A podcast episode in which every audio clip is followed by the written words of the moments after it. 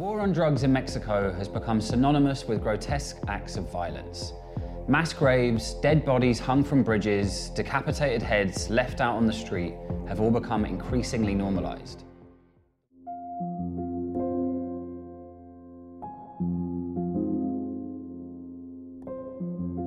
De prijs van 1000 kilogram lithium is gestegen naar 30.000 dollar. Zes keer zoveel als het eind 2020 kostte.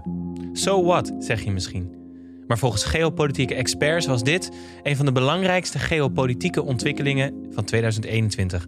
Lithium is voor de 21ste eeuw wat olie voor de 20ste eeuw was. Met dit metaal kan namelijk de energietransitie worden mogelijk gemaakt, klimaatverandering misschien wel een halt worden toegeroepen en de supercomputers van de toekomst worden gemaakt. Wie lithium tot zijn beschikking heeft, heeft macht.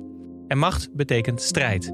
In de boardroom, in de politieke arena en rondom de mijnen waar het te vinden is. Net zoals er ook gevochten wordt om olie.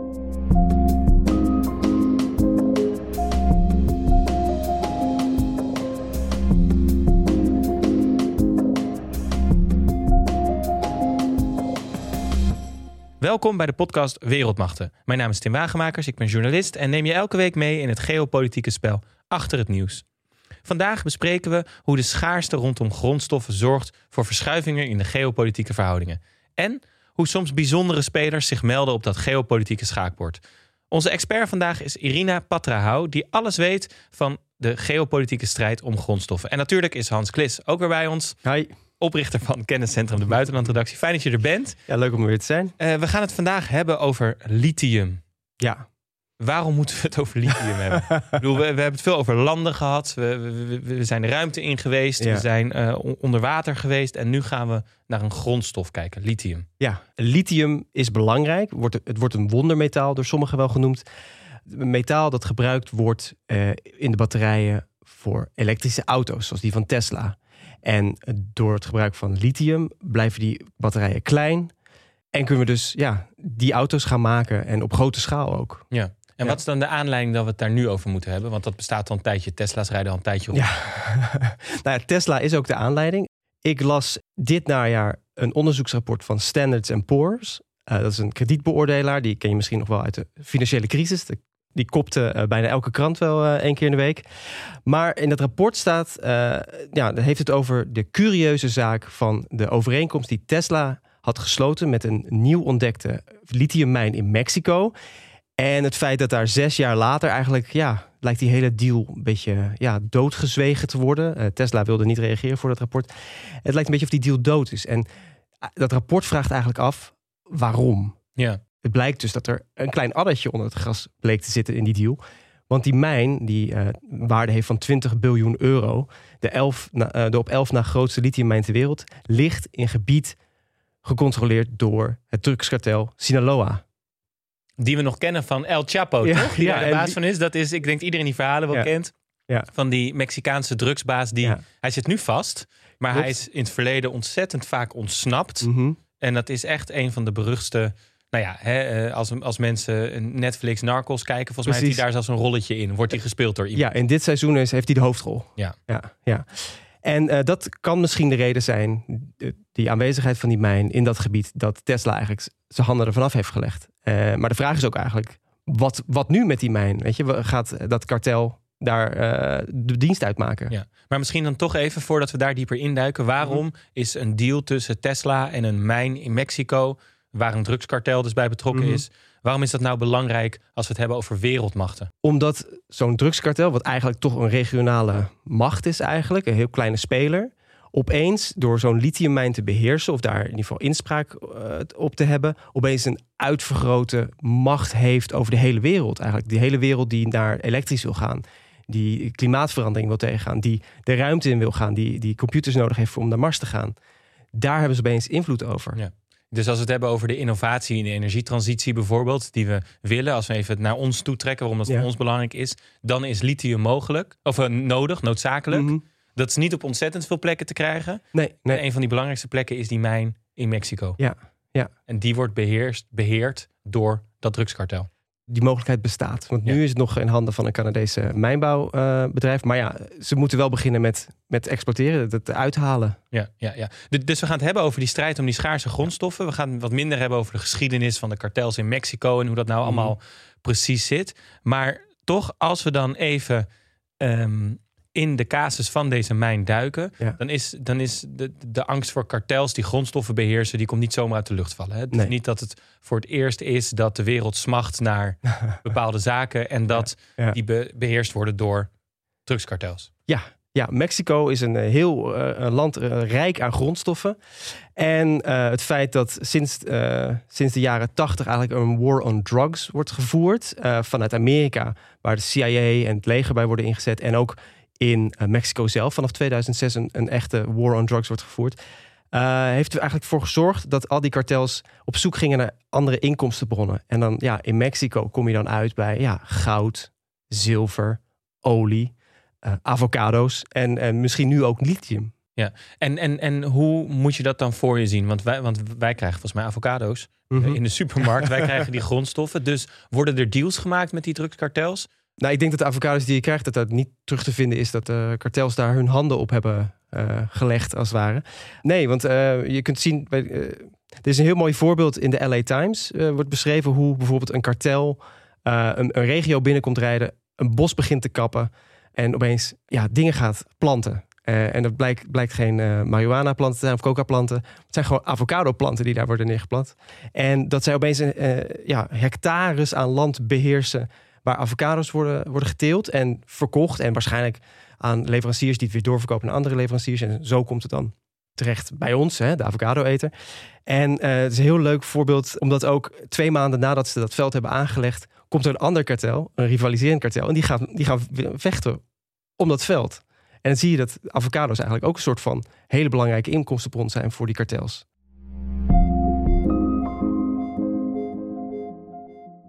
Want als we dan kijken naar wereldmachten en Mhm. ook hoe deze regionale spelers, die drugskartels, dan mondiale macht hebben, dan terwijl we, hè, ik bedoel, we hebben allemaal de Tweede Kamer gezien waar Grapperhaus het heeft over hoe Nederland geen narco-staat is, Ja. maar dat we toch echt moeten kijken naar, naar, naar, naar drugs, hoe die ons land Mhm. binnenkomt. En daar is natuurlijk de associatie met kartels het eerste. Ja, Uh, maar op dit moment zijn zij ook, moeten we ons ook tot die drugskartels verhouden als het gaat om die strijd om grondstoffen die Ja, plaatsvindt. ja. En, en zijn we ons daar bewust van? Dat, dat weten we wel. Ik bedoel, ik kan me ook voorstellen dat het een beetje ongemakkelijke waarheid is die landen misschien niet zo graag naar buiten brengen. Want in principe wil je natuurlijk eh, zeggen dat in die energietransitie bijvoorbeeld die grondstoffen voorradig zijn te vinden zijn, dat je deals met landen kan sluiten. Nederland heeft contacten met de Mexicaanse overheid, lijkt me Mhm. bijvoorbeeld. Ja, en Mexico die heeft, die heeft eh, speciale legereenheden die die gebieden beschermen. Bijvoorbeeld eh, in 2017 eh,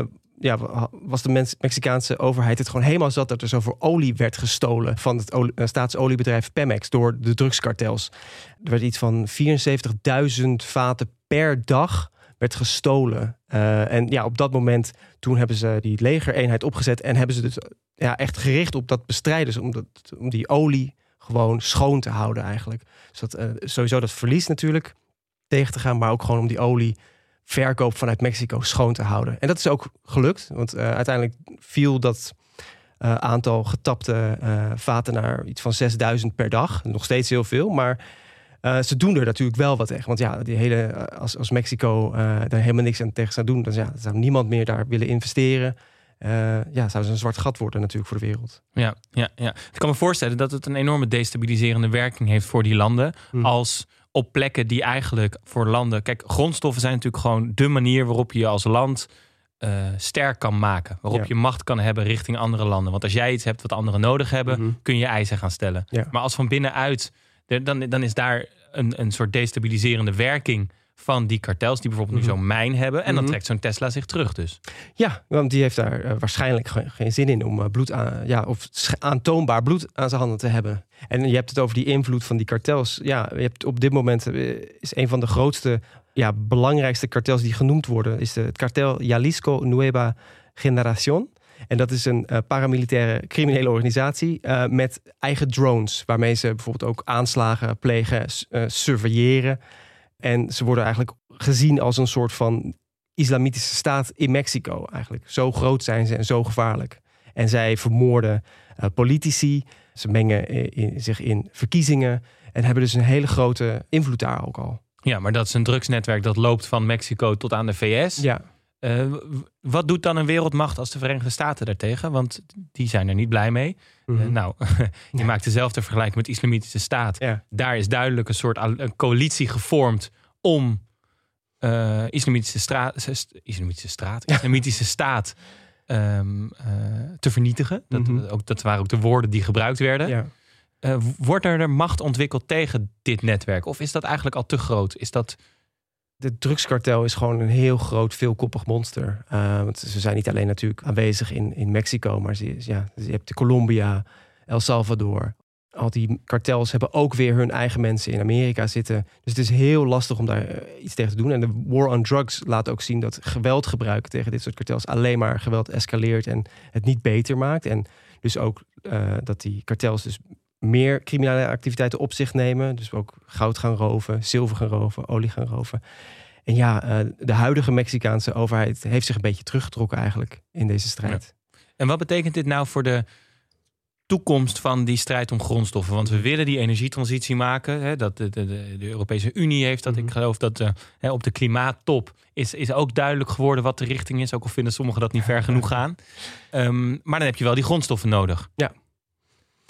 De, tot nu toe is het gewoon veel deals sluiten eigenlijk met China. Want China heeft, uh, is een van de grootste uh, producenten van uh, lithium, onder andere. Tesla die heeft nu ook in november een deal gesloten voor lithium met een van de Chinese uh, fabrikanten. Maar je hebt ook Australië, Bolivia is een grote producent. Ja, het is eigenlijk, waar haal je het vandaan? Het makkelijkste is gewoon niet uit Mexico dan. Ja, ja. dus er zijn andere geopolitieke spelers die ja. in het gat springen. Dat is ja. eigenlijk het gevolg. Als we dan kijken naar hoe, we, hoe dit verder gaat. Hè? Wat zijn nou de scenario's voor bijvoorbeeld zo'n lithiummijn in Mexico? Want dat ja. is natuurlijk een asset. Dat is mm -hmm. een plek. Nou ja, ze hebben dan één deal verloren waarschijnlijk. Hè? Dat ja. rapport van Standard Poor's.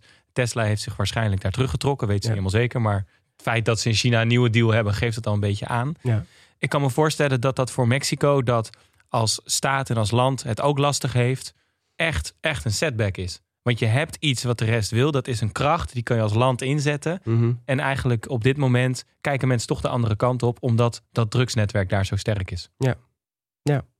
En, en het is gewoon, wat, wat gaan ze doen? Dat is, uh, dat is inderdaad gewoon de vraag. Wat gaat Mexico doen? Het is onwijs destabiliserend voor hen als uh, handelspartner, als politieke macht. Het is, ja, wat gaan die kartels doen? Zijn er nog andere voorbeelden van grondstoffen waar misschien niet staten, maar criminele organisaties of, of, of, of andere netwerken eigenlijk belangrijke grondstoffen bezitten of plekken bezitten die landen nodig hebben. Zeg maar, zijn er andere plekken vergelijkbaar met die lithiummijn? Oh ja. Uh, je hebt, uh, Afghanistan is een onwijs grondstofrijk land. Uh, daar ja, is ook lithium te halen. toevallig is daar, heeft China nu met de terugtrekking van Amerika daar meer invloed. Daar zijn bijvoorbeeld verhalen over dat de Islamitische Staat en de Taliban daar talkmijnen veroverd hebben en daar slavenarbeid inzetten om talk te vervoeren naar Pakistan, waar, uh, waar het dan een soort van wit gewassen wordt, waar, waar de herkomst weg. Uh... Talk wit gewassen wordt. Ja, talk wordt. Ja, ik zie je lachen. Ja, talk wit gewassen wordt. Waardoor, uh, waarna een bedrijf uit Pakistan het vervoeren naar Europa en dan zeggen ze: hey, het komt uit Pakistan, is hartstikke schoon. en dat dat misschien wel, het, ja, het zit misschien wel in je, in je babypoeder, wat, ja. je, wat je zelf ja. hebt staan. Ja, en we kennen allemaal nog de, de rush om babypoeder die een tijdje en babymelk. Hè? Oh, dat was niet te krijgen een paar jaar geleden. Ja, dus, dus dat is ook een macht. Maar dan, dan tot slot, dan, dan wijst ons dat er wel op dat de dingen die we hebben, de telefoons, mm. de elektrische auto's, dat we verweven zijn met een netwerk waar. Kijk, als je kijkt bijvoorbeeld naar hout, wat in mm. Nederland ingevoerd. We weten allemaal dat er. We hebben keurmerken daarvoor ontwikkeld. Mm. Uh, zodat er geen fout hout in Nederland komt. En nog steeds is dat lastig. Ja. En nog steeds zeggen Greenpeace dat dat gebeurt. Ja. Maar voor lithium, er is geen keurmerk. Ik weet niet waar mijn lithium in mijn batterij vandaan komt. Nee. Nee, want het, je, het komt al in de batterij die in een, in een laptop zit die je koopt. Ja, inderdaad. Ja. ja. En bijvoorbeeld de chocola die we in onze bossenbollen hadden net. Ja, is die door kinderen gemaakt? Die chocola die gebruikt werd. Dat is ook een vraag. Goed, we gaan erover doorpraten en dat doen we met Irina Partahau, analist bij het The Hague Center for Strategic Studies. En zij weet alles over die energietransitie en de strijd om grondstoffen die daar plaatsvindt. En dat stukje is in het Engels.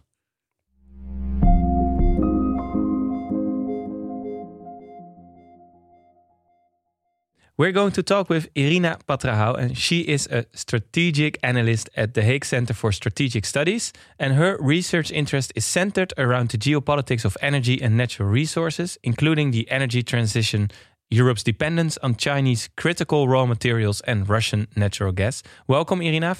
Nice to have you here. Hi, uh, thank you for having me. We've just discussed your research interest. What is at stake in this subject if we talk about energy transition and these critical raw materials that we need to be able to advance this transition? Uh, well, it's simple. Uh, essentially, we just don't have sufficient um, sufficient supplies of all of these critical raw materials. That's why they are considered critical. Uh, they are essential for our economy and for the energy transition, but we don't have sufficient supplies to fulfill all of our goals if if we are to go with the you know climate neutral path up to 2050 yeah. And we've been discussing lithium. What other critical raw materials should we think about? Rare earth elements are some of the most contentious ones especially because of well the dominance of china over the supply chain. Mm-hmm. but also cobalt uh, is important for uh, electric vehicles graphite um, yeah there's the eu identifies 30 of them and for example, the US, I think, has a few additional ones. Okay. And where can we, for example, find cobalt in the world? Well, most cobalt is actually mined in the Democratic Republic of Congo, um, which is also one of the problems associated with critical mm-hmm. raw materials, their geographical concentration. Um, and the fact that, for example, uh, in Congo, 70% of the mining or a large part of the mining that is done there is also controlled largely by Chinese companies because they hmm. acquired mm. uh, mines over time. Yeah. Um, so it's not it's the geographical concentration, but it's also the concentration of ownership actually over these resources. Okay, so there's a, a lot of geopolitical interests uh, are playing out in Congo right now. Indeed, and probably uh, in every country where these uh, critical minerals are found, when there's scarcity, there's also a lot of opportunity for uh, you know strategic and geopolitical games, if we were to call it like that. Mm-hmm. Yeah, but I think it's also it has to do with the moment that a country or a superpower recognizes that you need to have access to these materials, especially if we talk about the the materials we need for this energy transition or the ambitions we have. Is is China has China been more clever than other countries? As in, because it sounds like they already control some chains of supply that other countries would like to have but don't have access to. Yeah, indeed. So uh, for certain materials, China, as early as uh, the 1990s, actually started uh, developing their position and consolidating their position. Mm-hmm. There's also a famous quote from uh, the former leader Deng Xiaoping uh, that the Middle East has oil and China has rare earths. And this was said uh, back in the 90s, actually. And since then, they were leading in research. They were leading in uh, developing, well, building mines, literally, because that also takes years until you can start uh, extracting the minerals. Um, and not only that, but they have also been making significant advance- advancements in uh, the other stages of supply chain. So it's not just the mining, but it's also the refining of the materials. It's also building components and building whole products as well. So if you look at, uh, for example, uh, rare earths, and they are mined, 70%, I believe, of the global supply is mined in China. They're refined there largely. Uh, they're produced there and they're used for per- permanent magnets. And this is uh, the essential component for wind turbines. Mm-hmm. So essentially, 90% of global production of these magnets is done in China, and the entire world needs these to build wind turbines in an efficient way. Okay. So and uh, so China has uh, ha has the supply. Uh, so how do other geo uh, geopolitical powers maneuver that you know that mo monopoly that China has? Yeah, well, recently um, there has been a lot more attention from the EU and from the US and from other countries um, that they have been aware that we need these materials and we don't have them. Uh, they've been trying to organize a lot of dialogues and also alliances, for example, between uh, consumer countries, so between countries that are dependent on these materials there's a dialogue between China, uh, sorry, between uh, the EU, the US, and Japan that was started uh, as early as 2011. Um, they are since last year, the European Union established this uh, European Raw Materials Alliance, mm-hmm. where they are trying to com- um, bring together industry actors and also pol- policymakers and kind of find solutions for uh, our problem. Yeah, but to be honest, you said that the thing with these critical raw materials is that they are geographically concentrated in certain areas. So it's not that you can just uh, decide as a European Union we're going to put some factory there and mine it ourselves, right? Uh, it depends. Um, for example, rare earths are called rare, but they are actually found in a lot of places. It's just that the economically feasible reserves, so the mm-hmm. parts of the world where this can economically be done, is not uh, all over the place. Mm. Okay. Um, so um, in the EU, for example, we also have materials. There's uh, certain uh, reserves in Sweden, in Portugal, in other countries as well, but we don't have mines, and a lot of the processes are also very environmentally harmful. Okay. So in Europe, they also there's a lot of public resistance uh, against opening all of a sudden a mine in your, you know, not in my backyard kind of uh, mind yeah. uh, process. But I think then we touch upon a subject that that, that maybe is a bit mind-boggling in the sense that we had ha we have had this climate summit. We have these huge ambitions. We're talking about wind turbines all the time. That we want more of them to make sure uh, that we save the earth. But in the meantime, there are all these other aspects of how do you get the materials. And actually, I don't hear it that much in the public debate, that discussion. Like, where do we get the resources to be able to make these wind turbines? Don't you think that's kind of lacking?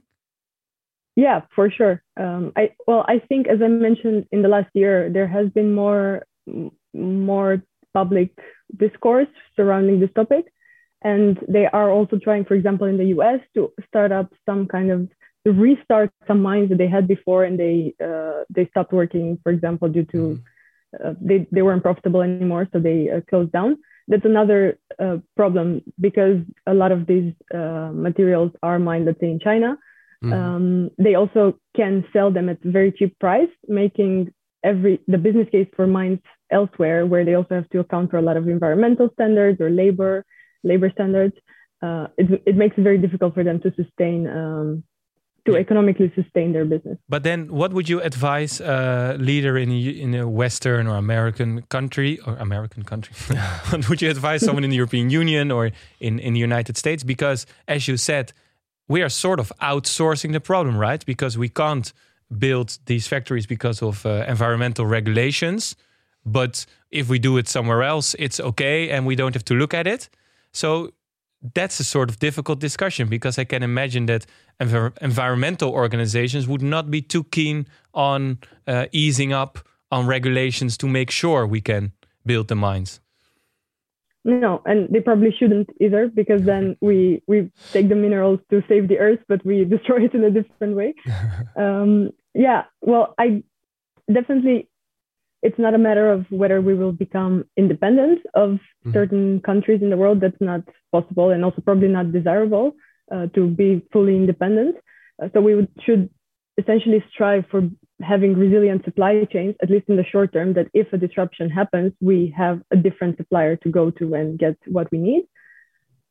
Um, yeah, if uh, I wish I had a solution for it. Uh, there are responsible mining and due diligence kind of initiatives that if you know the European Union is a regulatory power, so if they decide that they will not buy or purchase materials that are not sustainably mined or sustainably produced, they could have a big role in helping uh, mines that are doing it sustainably kind of pick up and mm-hmm. become more um, profitable. Okay, but uh, so so now I want to know for the listener who's listening uh, to this interview and and who's asking uh, himself or herself or um, how can I buy a phone or, or an electric vehicle uh, that, that that's guaranteed not uh, made with uh, lithium or cobalt that has been mined by children, for example? Is there one way to know that? At the moment, I guess there isn't, unfortunately. Okay. That's bad news. Um, there are for for some minerals, uh, they call them the conflict minerals. Mm-hmm. So it's tungsten and tin, and they implemented a lot of uh, mm-hmm. due diligence uh, responsible supply chain measures uh, and certification mechanisms. Uh, but to be honest, even the very large companies like Philips, they try to sort to see to find all of the actors that are involved, let's say, in producing one component for one of their digital technologies, and they found that there were thousands, even thousands, even tens of thousands of people involved or actors involved. Yeah. Uh, so it, if you're a small company or a startup, there you don't have the financial resources or the knowledge to uh, find this kind of thing, and even for huge multinational companies it's very very difficult to to get to this but i guess if more countries get involved if it's Yeah. a shared a joint effort then it could it could become easier So, but what you're saying is that the, the our clean energy, our clean future, we're we're, we're striving to, it won't be that clean. yeah in a sense not to get there um, if we don't implement more measures to make sure that the materials are sourced uh, more sustainably then it, yeah you you can't know where the cobalt in your you know electric car is coming from Yeah. So we need to follow this action plan on raw materials that is being eh, laid out to maybe sort of help find a solution. Um, and uh, we- we'll see how that goes. Um, thanks so much for, uh, well, actually quite concisely helping us in explaining what's going on with these critical raw materials. Thanks so much, Irina uh, Patrahau from uh, the Hague Center for Strategic Studies. Thank you. thank you thank you for having me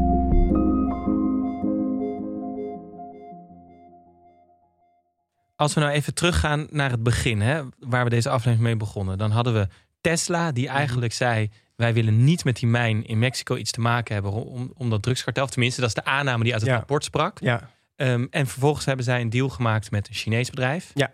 Ehm, maar als we Irina ook net horen, eh, het is eigenlijk heel moeilijk om die keten schoon te krijgen. Ja. Dus je weet nog steeds niet of die batterij goed is, toch? Rond die Tesla. Nee, nee, je weet nog steeds niet of de batterij goed is met, eh, van Tesla. Eh, en eh, China heeft een geschiedenis, Chi- althans Chinese bedrijven, die zitten overal. Die zitten ook in Congo bijvoorbeeld, met het foute kobalt. En nu heeft Tesla ondertussen een contract getekend met Ganfeng Lithium. Dat is een van de grootste Chinese lithiumproducenten. En ja, en die, die zit wel in die mijn in Mexico. Die haalt daar lithium, of althans die is van plan daar lithium uit te halen. Dus het lijkt erop dat Tesla gewoon via Via een omweg alsnog in Mexico zit. Mogelijk, ja. En dat, dat zou dan wel bij Irina's eh, ja, conclusies passen. Dat, ja, dat er geen schoon lithium eigenlijk ja, te vinden is. Ja, en, en, en de Europese Unie en, en, en Amerika misschien ook, die, die, die, die zijn dus aan het kijken of ze dat zelf Mhm. op kunnen zetten. Maar we lopen dus achter daarin. Ja, ja. Eh, we lopen best wel wat achter daarin. Ehm, en sommige bedrijven doen het ook zelf. Hè? Die, die, die kijken zelf ook natuurlijk of ze iets kunnen opzetten buiten van die overheidsregels om. ja. Ja, zoals eh, bedrijven zoals Apple en zo. Eh, Je zag het al met de, de internet-C-kabels die we eerder hebben besproken. Dat soort bedrijven die zijn bezig met hun eigen, ja, eigen, eigen dingen regelen eigenlijk. Om, om die grote, Ja. grote na- naties heen. Voor mij wordt eigenlijk steeds meer duidelijk: je hebt verschillende lagen in wereldpolitiek. Je hebt die laag waar we met z'n allen over discussiëren. Ja. En je hebt de laag daaronder waar eigenlijk landen, maar steeds vaker ook bedrijven, gewoon bezig zijn de grond en de infrastructuur te beïnvloeden, zodat je over 30, 40 jaar ergens een voorsprong hebt. Ja. En dat is eigenlijk de laag waar we nu op zitten rond die materialen, waarbij China al langer begonnen is. Ja. Ja. Soms niet altijd even sexy, maar wel dus de plek om te kijken. Eh, dank weer Hans, we gaan hem afsluiten. Ehm, we hebben ook weer natuurlijk een geopolitieke leestip van de week. En waarschijnlijk is het weer een enorm optimistisch boek. Klopt dat? Klopt, ja. Dit is een zwarte boek.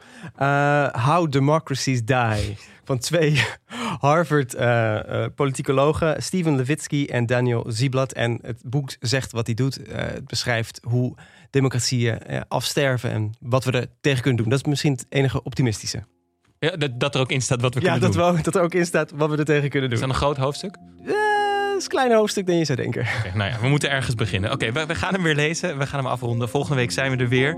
Bedankt voor het luisteren. Bedankt Hans wederom. Eh, bedankt ook Irina Patrahau, onze expert van deze week. Dit is een podcast van Dag en Nacht Media in samenwerking met de Buitenlandredactie. Productie door Esther Krabbendam. Redactie en montage door Jeroen Sturing. Bossenbolle door Meerte van Munster. Eindredactie door Anne Janssens. Muziek van Studio Cloak. Je vindt ons op vriendvandeshow.nl slash wereldmachten. Daar kun je ook onze leestips vinden. En natuurlijk op Twitter op het account Wereldmachten. Tot volgende week.